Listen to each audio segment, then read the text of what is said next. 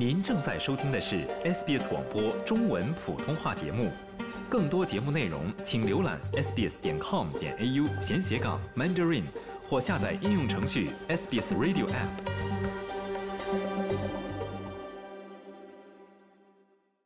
朋友，欢迎您收听 SBS 电台的中文普通话节目，我是林默。那上周末呢，我们是刚刚迎来了甲辰龙年啊，各种各样关于龙的讨论呢，也是越来越热了。那最近呢，中国的社交媒体上也是掀起了一场关于“龙”字应该如何翻译的讨论。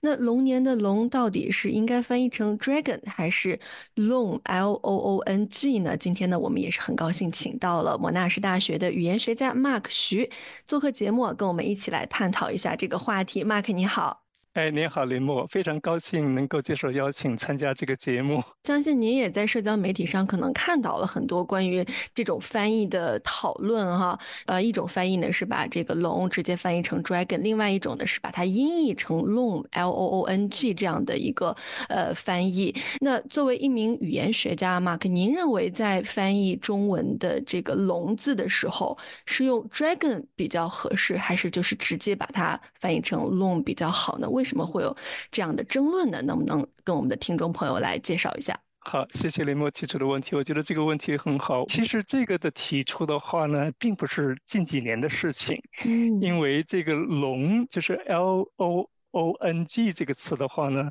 应该是。有上百年的历史了。最早的话呢，就像是在这个英国传教士 Robert Morrison 叫马里逊，他编辑的一本就是华英词典里边，这个叫《A Dictionary of the Chinese Language in Three Parts》，这个是在一八二三年就出现了。就是他的话呢。会把这个这个中国的龙就翻成了 dragon，所以从那以后的话呢，我们就沿袭了在英语里边谈到中国龙的时候，也是用 dragon。同样是传教士的话呢，还有一位传教士叫 Joshua Marshman，他是出生于一七六八年，他对中国很感兴趣，他也是传教士哈，他还写了一本书呢，叫 The Elements of Chinese Grammar，叫中国言法。他的话呢，就是在里边提出要把这个中国的龙就翻译成叫 L O O N G，这是他提出来的，所以这个并不是一个新的一个词汇啊，嗯，就是在英语里边和在中国英语里边已经早就存在的这么一个词，所以是这样的一个历史情况。那么就现在来说，我们如何看待这个争论的问题？哈，龙年又提出来这个争论的问题。我觉得从那词源学的角度来说，就是我们要承认，就是这两种。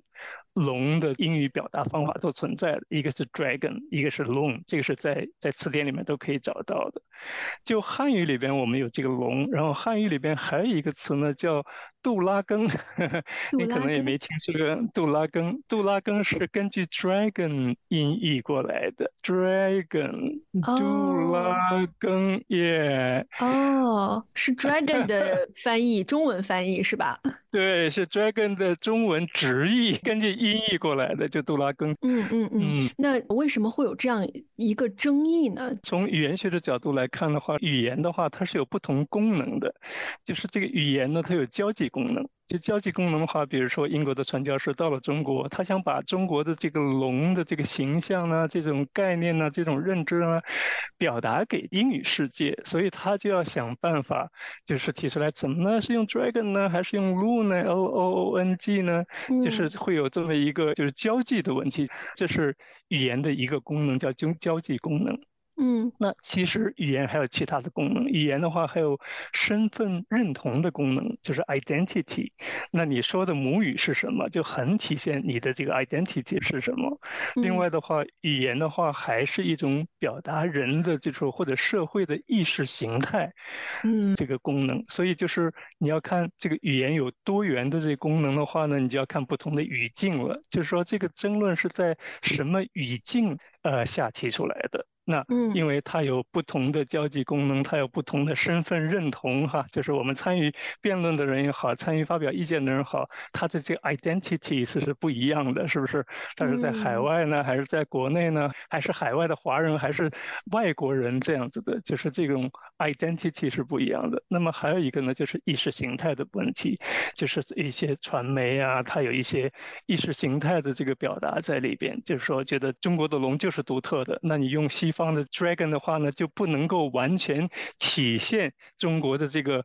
龙的这种龙的传人啊，龙能够带来好运呢，这些如果是西方人的话呢，可能就理解不到中国人那么透彻。这里面的话，意识形态还是起到一些作用的这样子。所以这个讨论的话，存在是非常合情合理的。这个时候提出这个问题，因为语言就是有不同功能的。嗯嗯，而且每个人可能对这个龙都有不同的这个见解啊。包括您刚才提到了这个东方的龙啊，可能更多的是给您带来一种好运的这样一个好兆头的这样一个。象征，而西方的龙可能更多的是一些，比如说邪恶啊，或者不太好的这样一个意味在里面啊。特别是我们在看很多动画片啊，包括《驯龙高手》啊，或者是《哈利波特》里面，我们也都见到这个西方的龙的形象，大部分是这种带着翅膀的呀，会喷火的呀，这种龙。也有一些网友提出这样的观点啊，说因为西方的龙和这个东方的龙在长相上啊 就有不同的这个地方，所以说我们把 dragon 和龙区分开来也是有道理的。您是不是有看过这样的这个解释啊？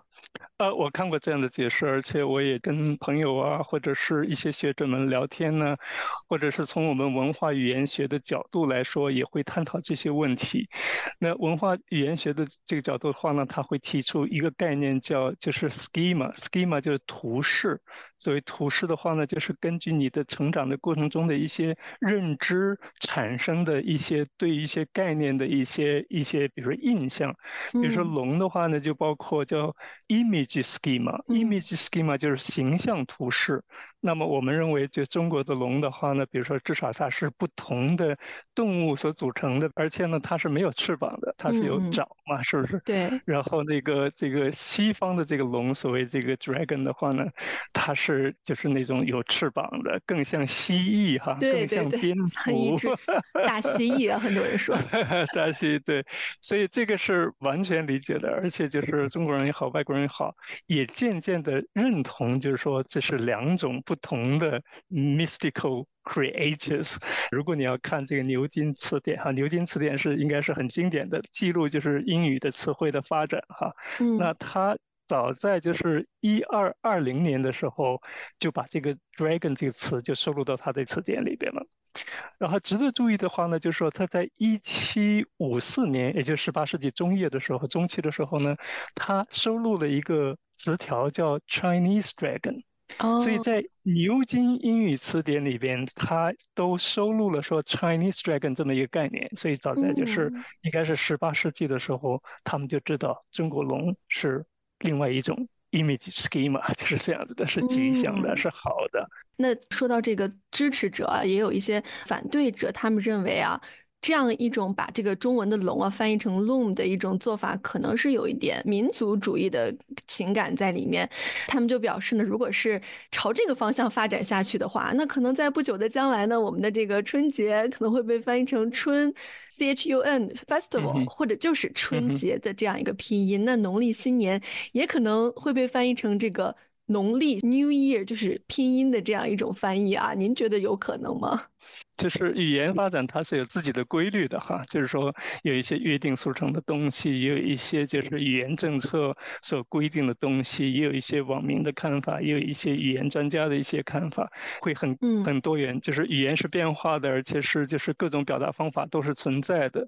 就是这个 dragon 和龙在未来的一些日子里边共存是存在的。但是有一些担心，就是说你把这个龙，它的就是这个 dragon 和 loon 共存了，那其他的怎么办呢？其他的是不是？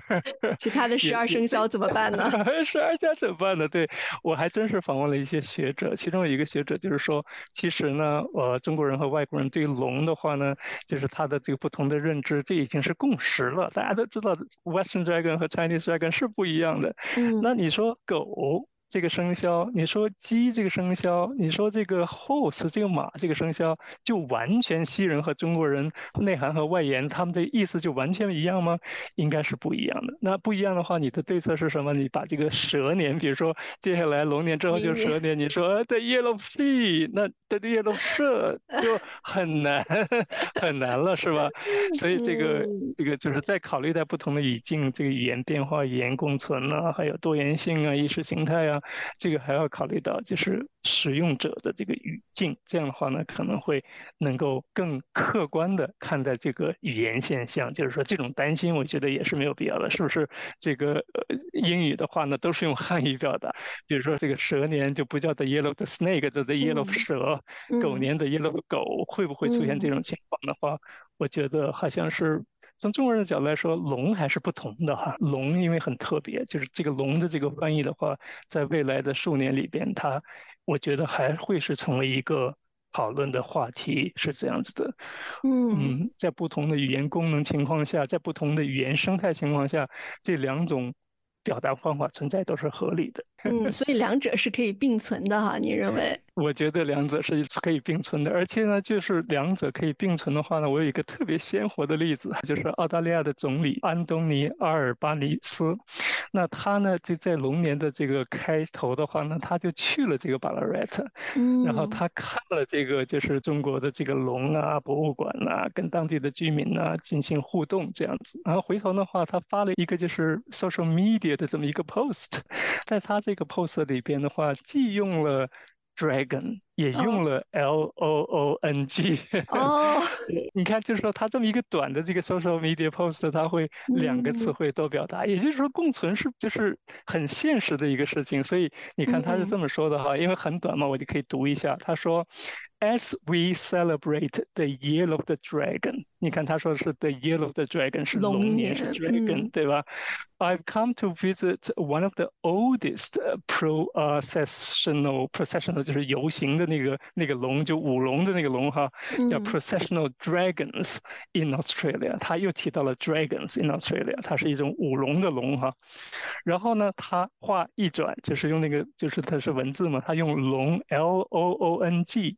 他说，Loon dates back a hundred and twenty-seven years。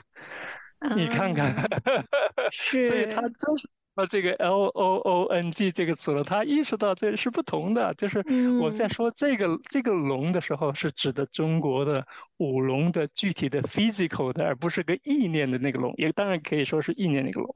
所以他用了这个词，他说 Loon dates back a hundred and twenty-seven years and shows the important role Chinese Australians have played. In our national story，嗯，所以他你看在这句话里边，在讲到 Chinese Australian national story 这个这个语境下，他用了 L O O N G，就是从语言学的角度来说是非常 insightful 的，非常令人思考的。就是说，比如说这个澳洲总理，他用了 dragon dragon，他用了 loon 都用了，在这么一个小的这个 social post，而且他还提到一点，他说 diversity has always been our strength。就是多样性、多元性这种变化，嗯，永远是我们的力量，就是国家的力量这样子。这就是我们的话题。我们认为，long L O O N G，包括这个 dragon，包括我们汉语里边的龙，和我们刚才说的这个叫杜拉根，他 说 就 dragon 杜拉根，就是这些词汇的并存，嗯，就体现了语言的多样性和多元性。然后他还提到说，To all those celebrating Happy Lunar New Year，他还提到了这些，所以我就觉得通过这个小小的 post，你就知道 diversity 体现到我们的生活的各个角落里边都有的。方方面面，嗯，方方面面的事，嗯嗯，非常的有意思啊，非常有意思的一个例子，也是体现了可能我我们澳大利亚的这样一个多元文化的特色吧。可能以后我们要讨论的不是谁去取代谁的这个话题，而是两者并存，被很多的人去广泛使用。那今天我们也是非常感谢莫纳什大学的语言学家 Mark 徐做客节目，跟我们聊了这个非常非常有意思，也是非常非常应景啊，在龙年非常应。景的一个话题，再次感谢您，Mark，谢谢。哎，谢谢您，非常感谢您的邀请，希望大家能够在未来的龙年能够继续龙马精神，龙年大吉。喜欢、分享、评论，欢迎您在 Facebook 上关注 SBS 普通话页面。